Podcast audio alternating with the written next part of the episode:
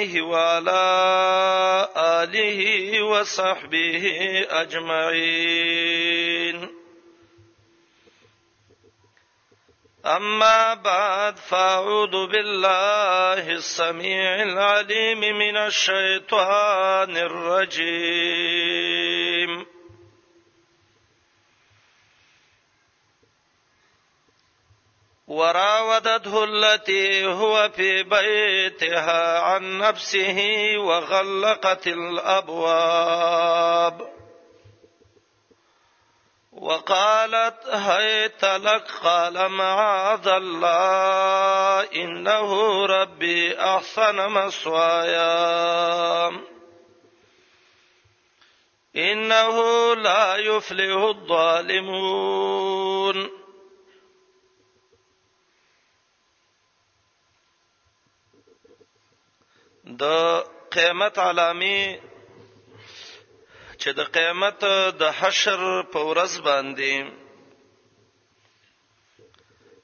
هغه ناشنا ناشنا امور چې هغه د انسان عقل حیرانون کې دي هغه موږ ذکر کول یو پاغه کې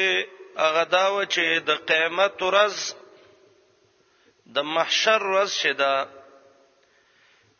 نو حدیث د ابو ذر غفاری رضی الله عنه کې راغلی وو چې یوم الحر الشدید دا ډیره سخت ورځ ده په گرمایش کې انتهایی گرمایش دغه ورځ باندې ډیره ګرمي وي او حدیث ما ویلو چې دونه خلیبه د خلکو د بدنونو نه وتلی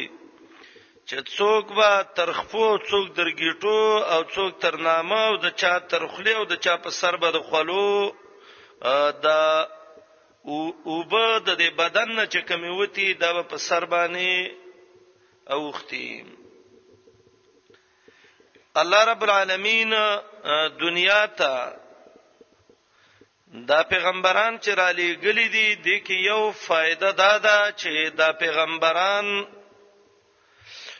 داسې لارې وخی دي خلکو ته چې د دې خلکو عقبا او اخرت د هغه په وجبانی خله او خسته او مزیدار شي نو حدیث د ابو هريره رضی الله عنه چې بخاری او مسلم دواړو ذکر کړو چې پاره حدیث کې اووه قسمه خلک نبی علیه السلام ذکر کړي وو چې الله به د جهنم د اخرت د حشر د ورځې د ګرمایش نه وساتي او د حدیث کې مقصد هم دا و چې دا و عملونه ځان کې پیدا کړي نو انسانانو د دغه ورځې دا ګرمي الله رب العالمین به ستاسو پر راحت او په مزو باندې بدل کړي او الله دی وکي هغه و موږ د دې نه مخکې شپږو جمعو کې شپږ ته ذکر کړی وو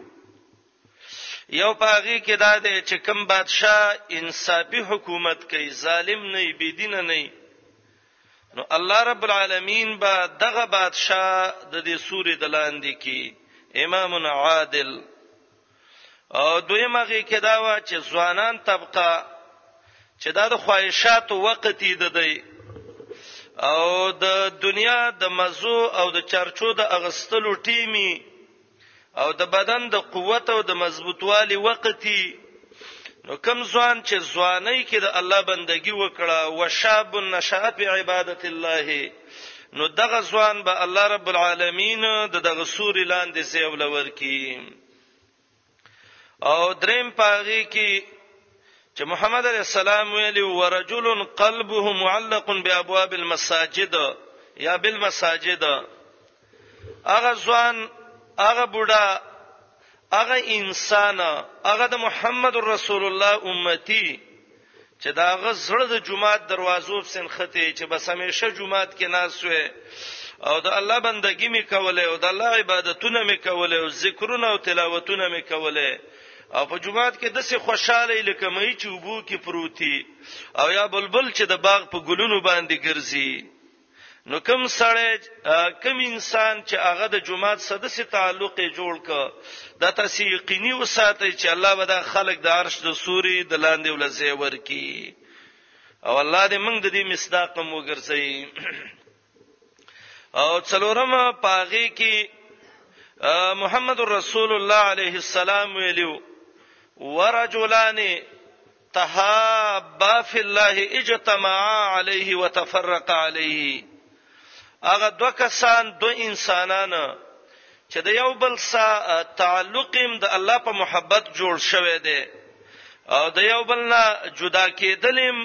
د رب العالمین په محبت باندې دي بس الله محبت را جمع کړی دي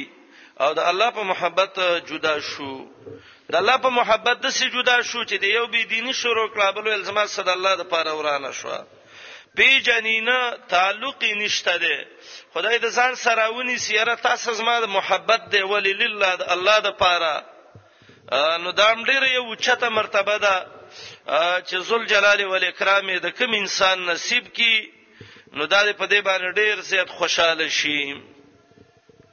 بل په حدیث کې دا چې ورجل ذکر الله خالیا ففازت عیناه هغه انسان چې یو ځان لزه کې الله ته په یو تورتم کې یا په یو رڼا کې ریا نشته ده سمعت نشته بل څه مقصد نه بس رب العالمین یې رایاد شو او د الله ذکر یې کوو او د الله د یری د سترګو نه وښکې توې شو په جړا شو نو دغه سترګو باندې د جهنم ور څکه چې د جهنم اغلوګیم الله رب العالمین حرامې په او الله به دغه سترګو والا به د عرش د سوري د لاندې زیول ورکی الله دې موږ د الله په یادولو کې بکائین وګرځي ډیر جړې دونکو د الله د یری نه او دا ډېر ښه صفت دی ما پوره خطبه په دې باندې کړې و چې البکاء من خشیت الله د الله د یری نه جړا کوله د څونه حیثیت لري او زمرونو شپغم پاغه کې داو چې محمد رسول الله عليه الصلاه والسلام ویلو ورجل تصدق بصدقه فاخفاها حتى لا تعلم شماله ما تنفق يمينه هغه بنده چې هغه خیراتونه کوي او دونه په اخلاص دونه په پټه باندې د دې ریا او د شهرتونو او د دینه د سیریږي چې په دې خلاص باندې ورکی دا خیرات نو دا غس او چپ لاس ته پته ونه لګي نو معلومیږي دا چې دا خیرات کوونکي ډیر مخلصین خلک دي نو الله ذوالجلال والاکرام دغه خلک الله د عرش د سوري د لاندې ولزه ور کوي وم چې دا زمنګ د نننې خطبه عنوان دی ان شاء الله وم هغه انسان چې هغه الله رب العالمين د عرش د سوري د لاندې ولزه ور کوي نو دا وم صفت دام ډیر ګران صفت دی او جنت ډیر بهترین زیاده نو بهترین شی چې حاصله نو ضرور ته به د هغه د پاره تکلیفونه برداشت کې یو بوټی دی او د هغې نه میوه راشوکې نو دې بوټي خدمت بکې او به په سبره ورخېږي او کدی کې ازغي نو هغه به په دې لاسو کې ماتيږي وینه بم د نه راوباسي خو ته چې هغه میوه حاصله نو ته به دا ضرور تکلیف ولا برداشت کې نو جنت خود سي الله په نعمتونه تیار کړی دي چې لا عینون رات د چا سترګم نه دی لیدلی ولا اذنن سمعت او د چا غوګونو پوره داغه تفصیلم نه دی اوریدلې ولا علی قلب بشر خطرت او محمد علیه السلام وی د چا په زړه کې اغونه سوچ هم نه دی راغلی چې الله رب العالمین د نیکانو له د جنت کې دا کم زینه تیار کړی دی خو اخو جهنم چې دی نو هغه ډیر د قهر ځای دی د تباہی ځای دی خو د دې جهنم په باره کې ورونو دا دی چې نبی علیه السلام وی حفت الجنه بالمکارح وحفت النار بالشهوات د دې جنت نه چاپیره مصیبتونه پراته دي او د جهنم نه چاپیره د دنیا خوندونه او خواهشات پراته دي نو دغه خواهشات چې ته ختم کې نو به به رب العالمین د دغه جهنم نه وساتي او الله رب العالمین به جنت ته ورننه باسي او ملائک به ته وي سلام علیکم طبتم فادخلوها خالدین د الله ملمنو د رب مېلمنو! په تاسې دې د رب العالمين د طرف نه سلامتي وي، ځئ جنت ته ورځئ، ښه په امن زندګي به اوس هلته تېروئ. نسأل الله ان يجعلنا من اهل الجنة زما وروڼو جنت حاصلول ډېر ګران شی دی، والله چې ډېر ګران دی. زه به دونه ته ووایم، یو حدیث به ووایم. رسول الله عليه الصلاه والسلام جبريل د معراج په شپه باندې د معراج واقعا ډیر ځل شوې ده خو هغه چې هغه جسدن او روحانن شوې ده هغه یو ځل ده چې سورته بنی اسرائیل او سورته نجم کې الله ذکر کړی دا سبحان الذي اسرا بعبده ليلا من المسجد الحرام الى المسجد الاقصى د مکینه تر مسجد اقصا لری جمعه بیت المقدس پورې د بنی اسرائیل کې ذکر ده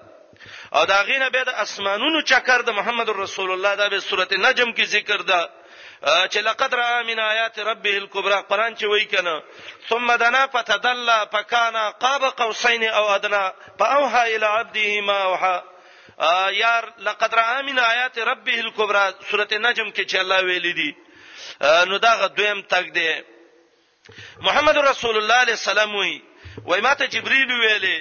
چې اے دغه دا محمد رسول الله راځه زه باندې یو دوه ناشنا شي نه نه ما چې تا به جون کې نه لیدلی وای مال سید وای زه ور واستم او ما ته ویل چې د جهنم ته وګوره و چې ما د جهنم ته وکتل نبی علیه السلام وای زماري په الله قسمی وای په رب یې قسم وکړ، وایي چې ما د جهنم د دې اور دا څونه غوسه او ګرمایش لیدلی دی، والله که تاسې ته پته وای نو دې دښتو کې به وای او چغې به مې الله ته والې او په بسترو به د خپګان نه نه وای اوده شوي.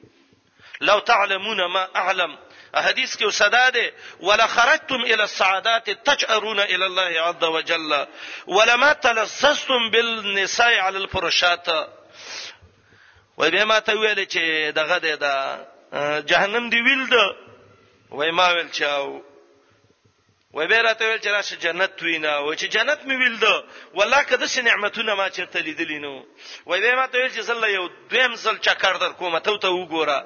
چې ورغه یو د جهنم نه دا خواهشات ټول چاپی رہی خو دسه دا د دنیا مزي دی او دا خوندونه دی او دا پیسې دی او دا بل دی او دا بل دی او دا بل دی او د جنت نه چاپیره د تکلیفونه پراته وو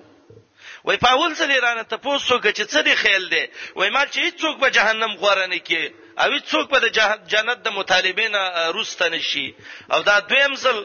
وای ما چې د دنیا جهنم نه چاپیره دی خواهشاتو ته وکتل وای مال چې زما یقین نشي کده جهنم نه څوک بچ شي دا ټول به د خواهشاتو بزیزي او خطه به ورغورځيږي او تا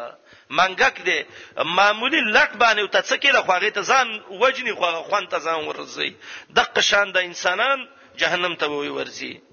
او چې د جنت نه چاپیره د مصیبتونه مې ویلدل وای ما چې څه ویم کدی له خود څوک ورشي الا بفضل الله کدا الله احسان وشي نو دا ډیر اوچت شي دی زمورونه زما د خبرې مقصد دا و جهنم چې نه دا د خواهشاتو په مینس کې پروت دی چاپیره د جهنم نه خواهشات دي او د جهنمي مینس کې دی نو کدی خواهشاتو نه چا ځان لګ وساته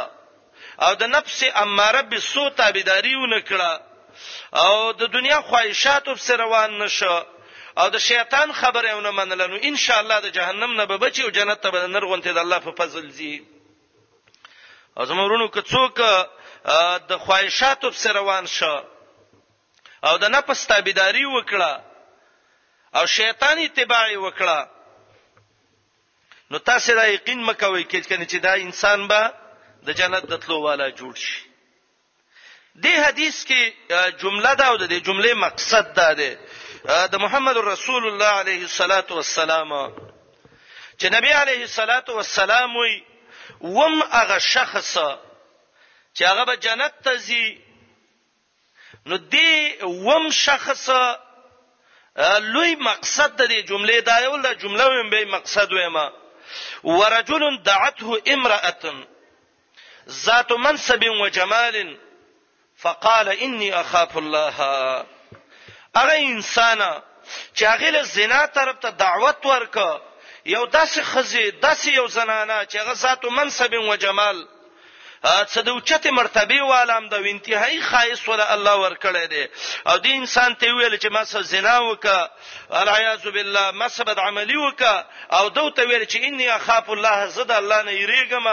او زما الله رب العالمین به ما ونیسی او الله به می جهنم ته وروغورځي نو دقه سي خلق به محمد رسول الله عليه الصلاه والسلام وي الله بوله د عرش د سوري د لاندې ځای ور کوي د دې جملې مقصد دا دی زما ورونو کوم انسانان چې د دنیا خواهشات د الله د محبت د الله د یری د الله د امید ته وجه نشاته غرزولې دي او د الله یې را مخکې کړی دا د دنیا خواهشات لري کړی دي د خلک رب العالمین د جنت د تلو والا جوړ کړي او الله به په په ورځ د محشر کې احسان وکړي هغه احسان به دای چې الله به په یو دسې سوري کې داخل کړي یوم لا ظل الا ظله داسې سورې به چې په هغه ورځ به نور سوري نه مګر صرف او نه صرف د عرش سورې د الله رب العالمین به او دې جملې کې دویم مقصد د رزم ورونو د ایمان حقیقت ته چې سړی رسیږي شاه ولي الله رحمت الله علیه یو ځای کې لیکي و یو کیفیت ته ایمان دی او یو حقیقت ته ایمان دی د ایمان کیفیت خدا دی چې الله ومني د الله رسول ومني ملائکه ومني کتابونه ومني او ورځ د قیامت ومني او تقدیر د خیر او د شر د الله له طرف نه ومني او دا پنځه منځونه وکي او زکات او روزه او حج او دته کیفیت الایمان ویل کیږي لیکن د دې نه مخکې یو دویم ضروري شی دی هغه دا دی چې هغه ته حقیقت الایمان ویل کیږي حقیقت الایمان څه ته وایي طبیعت د شریعت تابع کول او د شهوات او د شبهات نه ځان بچ کول د ته حقیقت د ایمان وایي تر څو پورې چې ځان دې د اسلامي حکمونو نه دی تابع کړی، خپل بدن کې دې نه دي کتلي چې زما دې بدن کې کوم ځای د محمد رسول الله د طریقې خلاف دی، خپل کاروبار کې دې نه دي کتلي، ناسته پاسته کې دې نه دي کتلي چې زما د چا سره تعلق دی او د چا سره نه دی. لنډه دا ده چې طبیعت دې د شریعت نه تابع کړی. او خواهشات او شبهات دې نه وي پرېښي. شاه ولي الله صاحب وايي، زما دې په رب قسم وي که ته د ایمان په خوند او د ایمان په حقیقت باندې پوه شې. حقیقت الایمان څه ته وايي؟ طبیعت د شریعت تابع کول، خواهشات او شبهات پرې خودل، الله او رسول ته رجوع کول. دا ډېر ګران شی دی. محمد رسول الله علیه السلام وی هغه سړی دې کتاب او سنت کې اکثر دې بعضې مسائلو کې رجل رجل لفظ راشي نو هلته مراد سړی خو حکم خزو او سړو دواړو ته یي کوم انسان چې هغه له یو دسې انسان مطالبه د ګناه ته وکړه چې مانع منس کې نه انسان دسي دا زنانه چي هغه خایسې برابري ذات منصب و جمالي او قادر دا سړی په دې باندي چي زه دا ګناه وکم او دا ګناه ونه کي دقه وخت کي تي تیر شي دقه خلک به الله د عرش د سوري د لاندي ځای کوي او د دې نمونې موږ سره شته دي زمونږ په دینونو کې ماشاءالله قرآن کې مستقل سورت الله یو ذکر کړی دی سورت یوسف تقریبا په تدبر او تأمر سره د الله په فضل باندې قرآن دی سورت یوسف کې چې الله دې ته احسن القصص ویلي دي نو تقریبا یو عالم 1500 فواید ذکر کړی دي چې 1500 فائدې دي صورت کې دي علمي یو په هغې کې دا ده چې مصیبتونه به درباندې راځي، په دې باندې چې ته به د دنیا د خواهشاتو په کې مصیبتونو کې واقع کېږي او دویم په هغې کې عفت الشباب ځوانان طبقه ده د الله نه یریدل او ځان پاک ساتل. یوسف علیه السلام دی د یعقوب علی السلام بچی دی د اسحاق نو سه دی د بابا ابراهیم نو سه دی او نبی علی السلام نه تپوس شوی چې خه خلک څوک دی هغه یوسف ابن یعقوب ابن اسحاق ابن ابراهیم خلیل الرحمن دغه خلک خه خلک دی دا یوسف علی السلام دی الله رب العالمين د نيمې دنيا ښايست وله ورکړی دی، حديث کې راغلي دي، او دا يوسف انتهايي عفيف او فاک سړی دی، مصيبت پرې راغی، وروڼو کوی ته وغورځاو او هغه خرڅ کړ، اوږده واقعه ده قرآن سورة يوسف کې ذکر کړې ده، لنډه دا ده چې مصر کې يو ګورنر و چې اقيتپير يا ايتپير نومې و، او دا غ خزه وراعیل یا زلیخه په نوم باندې دا د دې سدي کور کې خادم شو او کله چې د کور کې د دې سره خادم شو د الله امتحان ته پیو ګورئ د چا مرتبه چې څونه اوچته ی الله په غونه غټ امتحان راولي د یوسف علی السلام چې وو دا د الله نه ډیر یریدا او پیغمبر ولی به د الله نه نه یریدا د دې ګورنر خزې د یوسف علی السلام نه مطالبه د بدعملۍ وکړه وراودته التي هو في بيتها عن نفسه او مراوده دي ته وای چې ستاده یو مرګ مرګري سه یو شی او ته ته غواړي وغیل نه درکې ابو حیان لیکلی دی البحر المحیط کې امام قرطبي وای دته په اشارو اشارو د یوسف علی السلام نه د بدعملۍ طلب کوو یو ځل یو ته ویل یوسف محسن صورت وجهک خسته مخلل الله دې انسانیت کې درکړې ده و یوسف علی السلام ته ویل چې تی څه کې صبر رحیم صورنی ربي زما الله په خپوی دا د مور رحیم کې الله را کړې ده الله کارونه ګوتې مو واه دا مسکین په دې څه پوي چې د څه مقصد دی نو به وته وي یوسف ما احسن عینک د سترګې څه ولې د خسته دي الله الله خسته سترګې درکړي دي نو هغه ته استاب کې کار نشته به همان زرو اله رب خپل الله ته په قیامت کې ګورم نو په خسته سترګو چې الله ته وګورم ډیر خوان کوي داغه مقصد دا دی او د یوسف مقصد دا دی دا خبره بدله کی بیا ورته وایي، یوسفه! انظرني، ما ته لږ وګوره. نو یوسف علیه السلام ورته وایي، اخاف العمي، یریږم ړوند به شم که ته وګورم. سترګې الله راکړي دي، غلط ځای ته به پرې نه ګورم. بیا یې ورته ویلي، یوسفه! ما احسن شعرک، تا له خو ناشنا ویښته الله درکړي دي. نو یوسف علیه السلام ورته وایي چې بس هو اول شی یبلا مني په قبري، زما قبر کې د بدن نه اول به داسې دو نفس مه دغه کېږي، دونه ښه نه دي. مطالبه تر اخیر کې سخته وکړه، القیتون فرشته لک دا یو قسم له بستره ده نو یوسف علی السلام ته وی القیتون لا یسترونی عن ربی د الله نخمه پټولې نشي بده ظالم ورمنډه کړب سي یوسف علی السلام هم ته منډه واغستا وغلقت الابواب قران وې د دروازې هم ټوله بندې کړې وي وقالت هيت لک دعوت بد عملی له ورکړی او یوسف دی ځوان دی د بادشاه کور دی مانع دی نشته دروازې بندې دي لیکن یوسف علی السلام څو قال معاذ الله انه ربي احسن مسوایا الله سپنا غواړم الله زما رب دې ګورسي بچي کور ته راوستم نو زه د الله په بندگانو کې خیانت وکم دې تزمورونو عفت ویلې کیږي ښا او بیا یوسف علی السلام مسکین ډیر مصیبت زده شو قران ذکر کوي دروازې له ورغه هغه بار زور کوي د دروازې باندې کړي دا تر شانه زور کوي استدا جس کمیسه مشله او د غریب سړی یو کمیسه هغه چې وشلېږي دروازې کولا او کړه ګوره دې مصیبت ته وګوره وا الف یا سیدا هل دلباب گورنر د عزیز مصر ولاړ دی نو بیرته د خزي چالاکی وکړوي ما جزاء من اراده به حق سوء ورستا په اهل باندې بد عملی اراده کړې ده ګنام دی وکړه او څوک چې یو ګناه کوي دا تاسو تجربه وکړي یو ګناه چې څوک کوي هغه بلی ګناه ته راکاږي ګنام دی کړي وا کمی سیم په دې غریب شلولې او دروازې هم په دې په باندې کړي او چالاکی هم وکړو ما جزاء من اراده به اهلی کسبه او بیرته قاضیم دی په خپل فیصله کوي وجنه بینه الا یسجنا جیل ته واچو یو عذاب ورکا یوسف علیه السلام عزیز مصر حیران دی چې دا څه چل وشو یوسف حیران دی چې دا په څه مصیبت واوختم یا الله د دې کور مالک به وي چې دا د سړی په څنګه زما کور کې د خیانت اراده وکړه عزیز مصر خپه ناس دی صحیح روایت دا نه چې دا د دې خزي او د تر زیو نو هغه ته پوښتنه کوي ولی یره یو کورنۍ معامله مې دا ډېری ګډوډ کړې مې څه چل وکم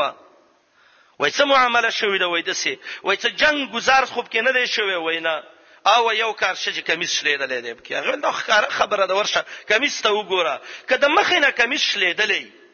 نو خو یوسف به مطالبه کوي او د خزي به لاس راچلې کمیس به ولشلولې او که کمیس د شان شلیدلې نو یوسف به ته تیخته کوي او دی به لاس راچلې کمیس یو کته هم د شاتر پښلیدلې یوسف علیه السلام ذهن کې به دا خیر و چې یاره دا خو به دغه دا اوس به دغه وکی دا او هغه به وې یو څه خبره به وته وکی نو د سادم ډیر د به خوندې خبره وکړه امام قرطبي ډیر وته غوسه شوی ډیر دوی غیرتو خبره وکړه نو دونه ویل یوسف اعرضن هاذا زه یوسف ته مخ واړو چاته ونه وې او خزه ته وی واستغفر لزن زه بیګم سر ته معافي وغواړه خیر دی خبره اند الله نه معافي وغواړه خبره به مکوي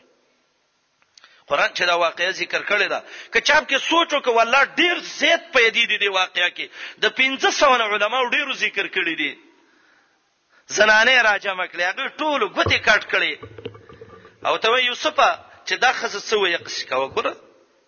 نو یوسف علیه السلام دعا کوي اے رب العالمین والا تصرف عني كيدهن اصب اليهن الله کته مې ونه ساتي ته رب العالمین د سینې چې ګناه کې واقع شمه نو یوسف علی السلام دی وخت کې یو د غم او د مصیبت کلمه وای قال رب السجن احب الی مما يدعونني الیه یا الله د بادشاه کور په ما تنګ شو الله د پلار کور را باندې تنګ شو ورونو کوي ته وغورځولم رب العالمین بازارونو کې خخ خرج شوم رب العالمین اسینم زمره شوم الله د غریبۍ کمیس مې ور باندې وشلې ده رب العالمین په داسې غلط ځای کې رب السجن احب الی مما يدعونني الیه یا الله د جیل زندگی نور راکې علما وای دا ایمان دی چې ته مصیبت غوړه کا خود ګنا نه ځان وساته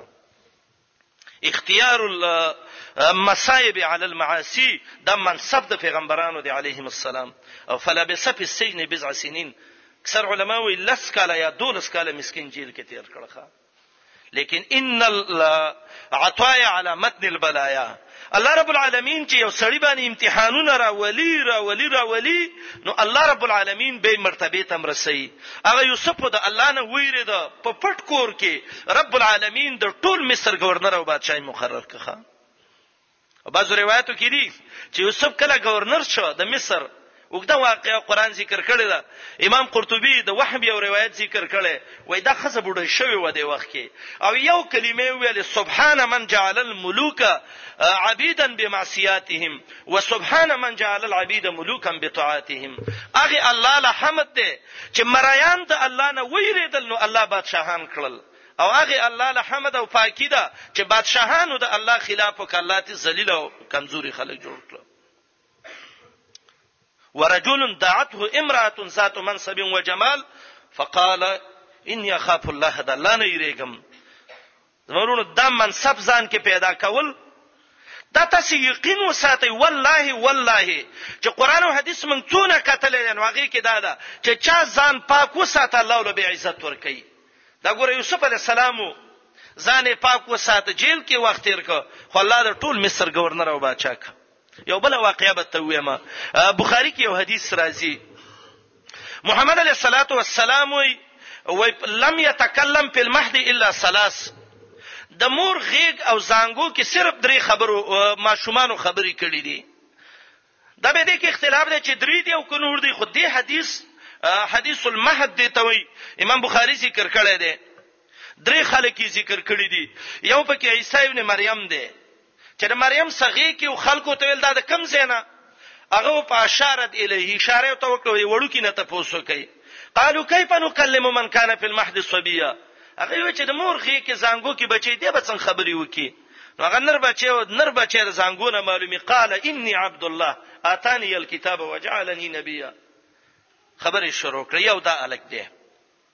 او دویم صبی بنی اسرائیل بنی اسرائیلو کې یو ماشوم در بخاری صحیح حدیث دی مور خپل سینې ته چلو په یو لا ورکولې یو ظالم بيدینه بادشاه په دلار باندې تیرې دا په ډیر جوش خروش او په اسونو او اسلحو په ډیر تکبر کې اکثر د میندو عادت دا دی چې کله د څوک ویني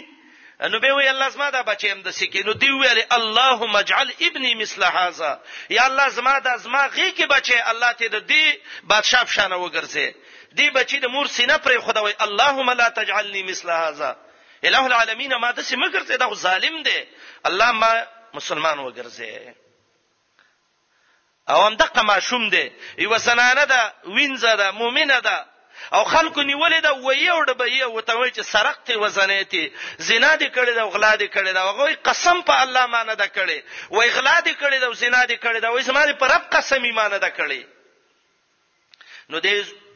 د مور ویل اللهم لا تجعل ابني مثل هذا رب العالمین زما د زوی د دې خصب شانه مگر زې چې خلک وي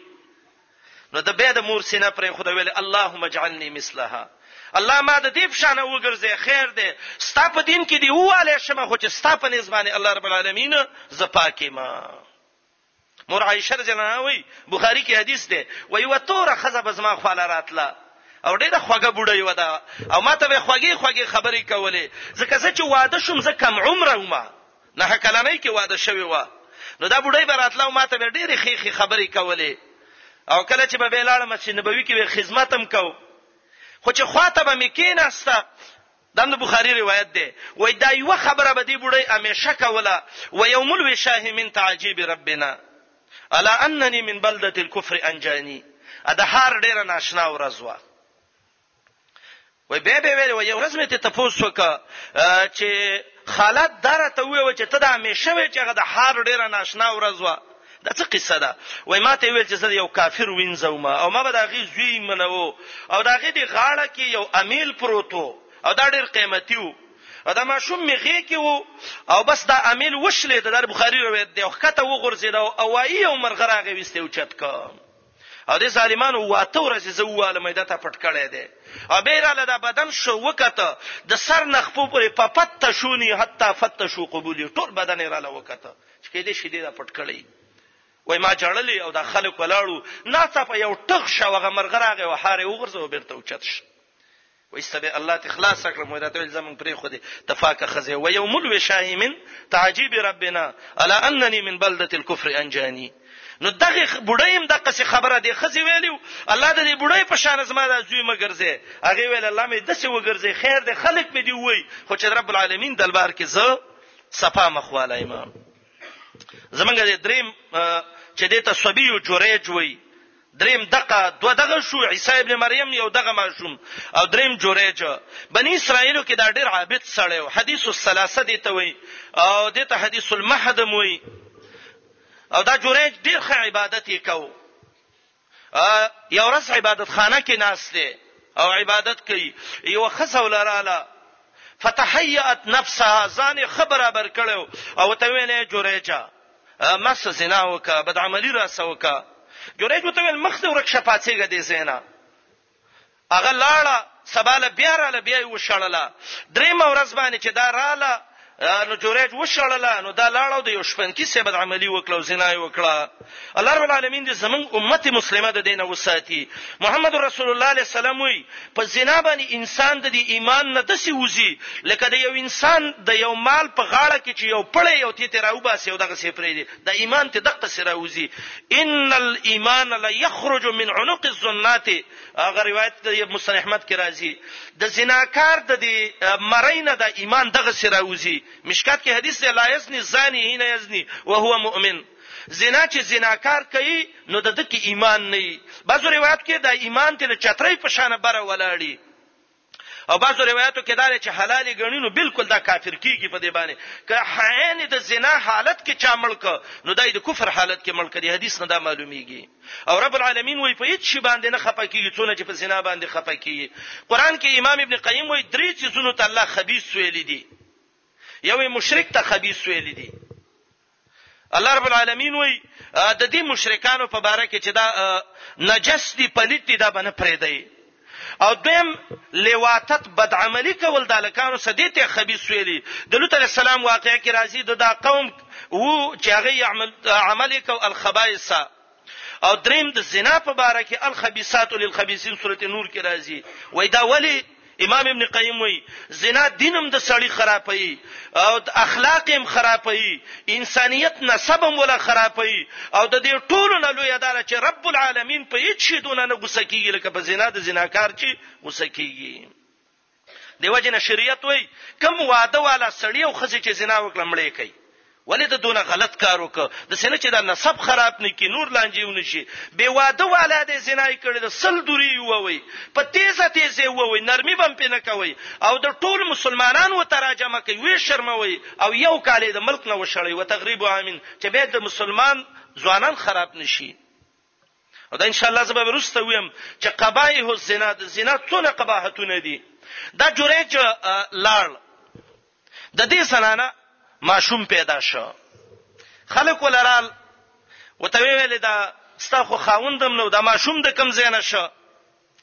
نو هغه ظالمان ظالم او ته ویلې وای من جوریج دا د عبادت کوونکی جوریج را سره زنا کړي و جوریج مسکین خود مسکین خود دریو سره راځي وشړله زنا یې چرته بل چا سره کړي و خداراله او دی ویل چې دا من جوریج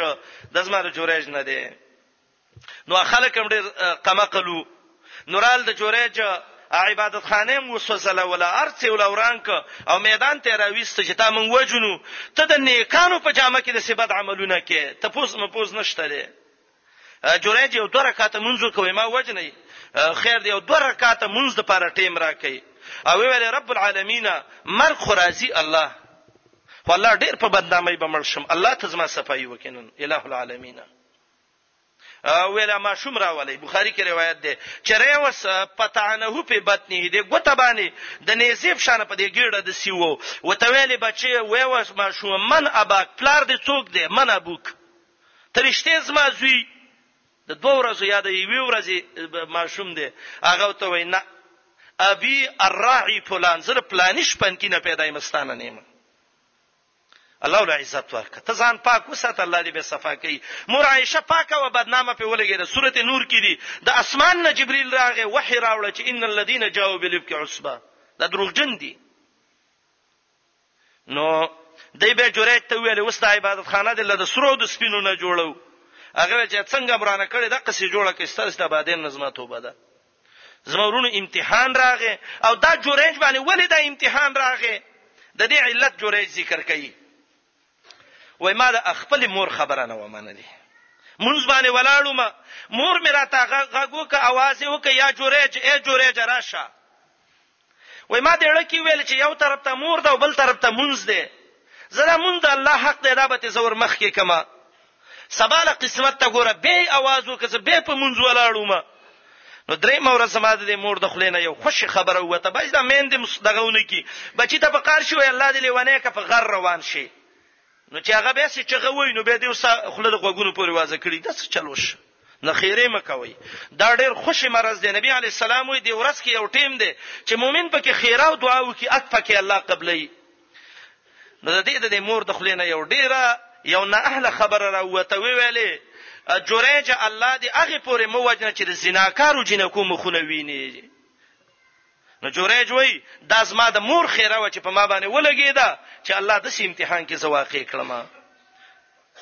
زما ورونو داسې وخت کې چې انسان ځان وسپاري، عفت وکړي، نو الله رب العالمین بیا دې انسان له د عزت ژوند ورکوي. جوریج الله ټولې دنیا کې بیا داسې مشهور کړ چې نن هم په احادیثو کې د دې فضیلت ذکر دی. دا ولې؟ ان العطایا علی متن البلایا، مصیبت چې راځي او د دې نه وروسته الله به سړي له انعام ورکوي، الله له ښه ژوند ورکوي، فلنحيينه حياة طيبة، الله له حياة طيبة، یو پاک او د عزت ژوند ورکوي، سل کاله ژوند دي خو چې د بدنامي ژوند دي، دا غل دی، بدعمله دی، نو د هغې نه یو ورځ ژوند د ایمان سره ډېر غوره دی. الله دې زموږ ایمانونه ښایسته کړي او الله دې زموږ ژوندونه حياة طيبة وګرځوي. او چا چې د الله نه یېره کړې ده او په زنا او په ګناه قادر شوی دی، دا یو خبره لږه ډېره ذهن کې کېنوئ، د ګناه د انسان اله انسان ته پته لګي چې دا په ګناه باندې قادر شي، نن زه وایم که زه بادشاه شوم زه به ډېر انصاف کوم، خو دا زما پته نه لګي دا اله پته لګي چې سړی په منصب باندې ودريږي نن زه ويم که ماله يو رتبه الله راکړه او د چا په مال باندې مسلط کم زه به ډیر داغي حق رسوم خدا اله انسان ته پته لګي چې پر دې مال ولا مخې لراشي چې دا به څه کوي ته وایه زه شراب نه څکم او شراب دې په سترګو نه دي لیدلي، ستا د شرابو د نه څکلو تقوا به هله معلومېږي چې ستا مخې ته پراته یو ته ترې ځان وساتې، په دروغو قادر شې او وینه وې ځان ترې وساتې، په زنا قادر شې او وینه کې ځان ترې وساتې، په د قتل قادر شې او وینه کې ځان ترې وساتې، دې ته ایمان ویل کېږي. ورجل دعته امرأة ذات منصب وجمال فقال اني اخاف الله. حدیث الثلاثه بخاری کې یو روایت راځي او د حدیث کې مقصد هم دا دی چې نیک عملونه وکړي په خپل اختیار سره د ګنا نه ځان وساتي او به چې کله راګیر شوي نو دا الله ته وسیله کوي الله به تاسو ته لارې کولاو کی امام بخاری درې ځای دا روایت ذکر کړي حدیث الغار دی ته وایي درې کسان وو، یو غر ته لاړ، بخاري کې روایت دی، باران ورېږي، دی د باران نه یو سمڅه ده، یو ګټ دی او د هغې ویښ ته ورننوت چې ځه باران به ختم شي، موږ به بیا کور ته لاړ شو. هغه ګټ د الله په فضل باندې راغی او د دې غار دا خولې ونیوله او بند شو دننه. ټلیفون نشته چې چاته خبر وکړي، اواز نه اوریدی کیږي، غر دی. ددې خلکو دقه وخت کې صرف د یو الله رب العالمین سره تعلق پاتې شو چې الله علیم بذات الصدور دی. یو بل ته وایي اوس به څه کوو؟ ګټه اړولی نه شو، خبر نه ځي، خلکو ته پته نشته، موږ به دې ځای نه څنګه وځو اوس؟ نو یو بل ته یې ویل راځئ! هر یو تن وګورئ چې په ژوند کې کوم نیک عمل کړی دی، دا عمل الله ته وسیله کړئ او ان شاء الله الله به موږ دې ځای نه خلاص کړي. دا یو پاڅېده او یو دوه رکعاته مونځ یې وکړ، بیا یې ویل رب العالمین ما یو عمل کړی دی الله که دا مې ستا د رضا لپاره کړی نو رب العالمین موږ د دې مصیبت نه خلاص کړي. هغه دا دی چې زما سره یو مزدور و، د سهار نه مې ورسره خبره کړې وه چې دونه روپۍ به درکوم د ماښام پورې او بل مزدور مې ماسپښین ونیو او د هغه د روپو مقدار مې ورسره خبره کړې وه، تاله به هم دونه درکوم خو ما سره کار وکړه. کېدای شي دا یو کمزوری او دا یو قوي و، یا دې یو څه ډېر ضرورت و دې بل ته دونه نه و. کله چې مې ماښام دې یو له پیسې ورکولې هغه سهارنی مزدور خپه شو. راته وی ویل چې دغه دی دا څنګه د نیمه ورځ کار کړی دی او ما پوره ورځ کار کړی او زما د دیړی یو شان دی ما ته ویل چې زما ستا خو عقد شوی دی او بس خپل وعده باندې دغه مې درک سړی خپه شو پیسې وانه غستې دا پیسې ولما چلولې چلولې تر دې پوري چې د د وخان مې مولا په واغستل غواګان او ګړي بيزي رمې جوړې شوې څو کال وروسته دا سړی راغی ویل غریبۍ راغسته ما او که مال هغه خپلې پیسې راکړي یو ورځ دوه خو به مې پې تیر شي وای ما ورته ویل چې دا قطیع الغنم قطیع البقر او قطیع الابل دا د وخانو رامي او دا د غواګانو د ګړو دا ستادي او دا واخله هغه راته ویل ټوخي راپسې مکه وته مال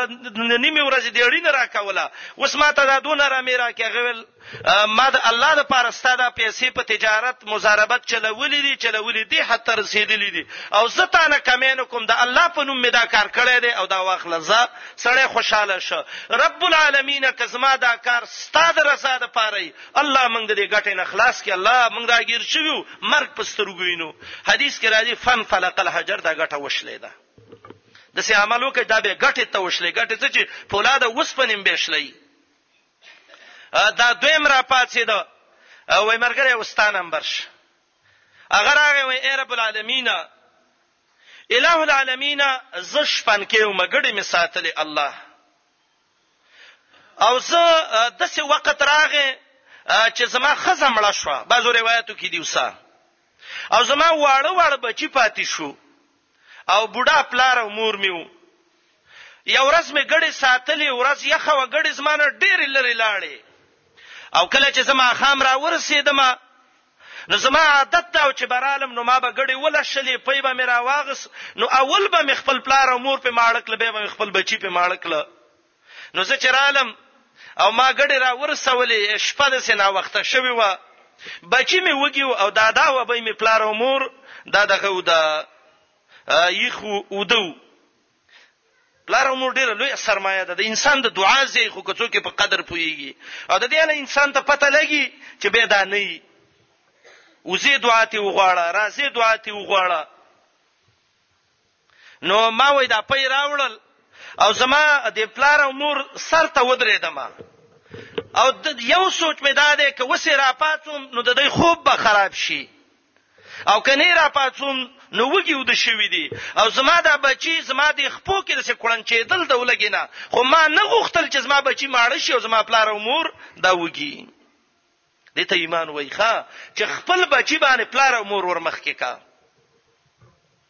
تر دې پورې دا بچی مې په جړا جړا کې زما خپو کې ود شو ټوله ورځ مې ګډې او بيزې ساتلې وي یخه ورځ وه سبا اذان وشو زما پلار او مور را پاسید ما ته قصې پېنی ولي وو اے الہ العالمین که زما دا خوب پر خودل دا د پلار او مور خدمت او دا د بچو وګي او د کېدل د جړا سو د پلار او مور غره کول پاغه ستاد رضا ده پاره الله د دې تورې غټې نه خلاص کړي الله مونږ راګیر شوی نن حدیث کې راځي دا ګټه نور هم وشلې ده خدای په وسنو ادریم ته ویل مرګره اوس د خپل عمل پیش کچې ګټه نه خلاص شو وځو هغه ویل رب العالمین د قحط او دولګي وخو او اس د خوراک نو زما د تر لور وا انتهایی خيسته وا ما غوښتله د تر نه خو مال په نکاح نه را کوله بل چاله ور کړه او داراله ماته ویل بچی می دولګي نمړ کیږي او مال څه راکه وای ما ته چې نه در کوم او پیسې مو سنوي او کوي هم څه کمی وي وای مال چې نه در کوم بیا به راته ویل چې بچی مې مړ کیږي او ختم شو اخیری حالتونه دي وای ما ورته ویل شیطان را باندې غالب شو چې په یو شرط به در کوم چې ما سزینا او بد عملی وکي وای زنانه لاړه رااله خو اخر دی حتی ورسیده چې الته بچي ویلیدل چې دا غو بالکل نور حالت د مخمسه او د مرګ دی نو به موري په بچو ډیره خپه کیږي وای رااله او ماته ول زنا بس سوکم خو پیسې راکړه او خوراک راکړه چې د بچی می وخوري وای زه په دې باندې قادر شوم دار پیدل د سیرې دله وای ماته ول چې ولی ریږي وای ماته ول چې اخاف الله د الله نه یریږم دا پردې امانت دی چې تماسه زنا کې دا بز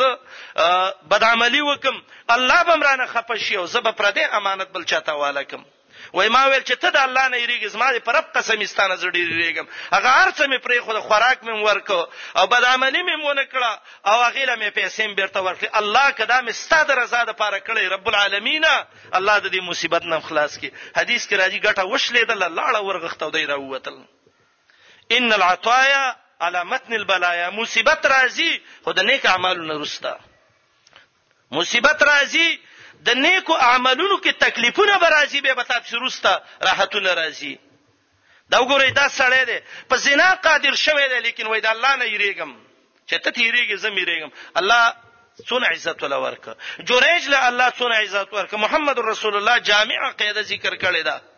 چې نبی عليه الصلاه والسلام وي ورجل دعته امراه ذات منصب وجمال فقال اني اخاف الله د الله نه یریګم ګنا باندې قادر شو نیکم د الله نه یریګم نظر دې لګي یو ځای باندې څوک دې نه ني خو الله دې ني يعلم خائنه العيون خیانتګرو سترګو باندې الله پويږي زنانه د بورقه کې مخ پټ دی دا وي ما څوک ني پر دې سړی ته بګورم هغه الله چې دې سترګو کې د لیدلو طاقت چلے دی هغه ته ور دا وب بیرته دې سترګو نه ختمول هم شړنده بدی کی اني اخاف الله د الله نه یریږم او دې حدیث مقصدم دا دی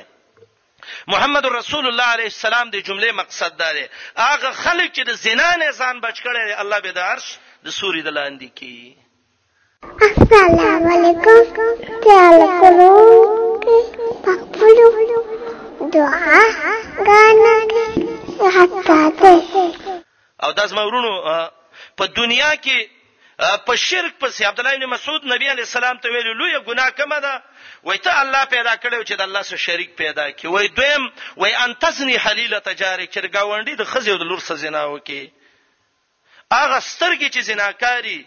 اغه سړی چې زناکاری اغه خزې چې زناکاری حدیث المعراج کې دام راغلي دي محمد رسول الله وای ما یو تنور ویلد چې د یخ کې څه خزي او سړی بربند پراته وو او د لامبو برزان سره او چت کړو د سر ته به راورسولو به به خکته ورو غرزول وای ما جبريل نه تاسو کې دا څوک دي وای ما ته ویل چې دا رجال او نساء هم الزنات د زناکاران دي زنا ډیر ناکار عمل دی ان شاء الله که الله رب العالمین زمنګ دا ژوند وګت ک نو زه تاسو آینده خطبه کې بزمنګ دا موضوع د الله په فضل باندې چې قبایح الزنا د زنا څونه قباحتونه دي او قران مستقل سوراتونه په دې باندې نازل کړي دي چې د دې نه ځان وساتي سوره نور بارک راځي چې نبی علی السلام ویلو عمر ابن الخطاب یو خط کوفه والا ته لیکلو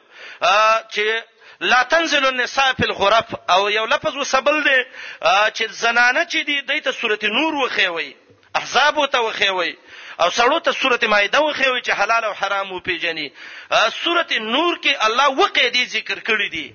چې دا وقیدې ځان کې عملی کوي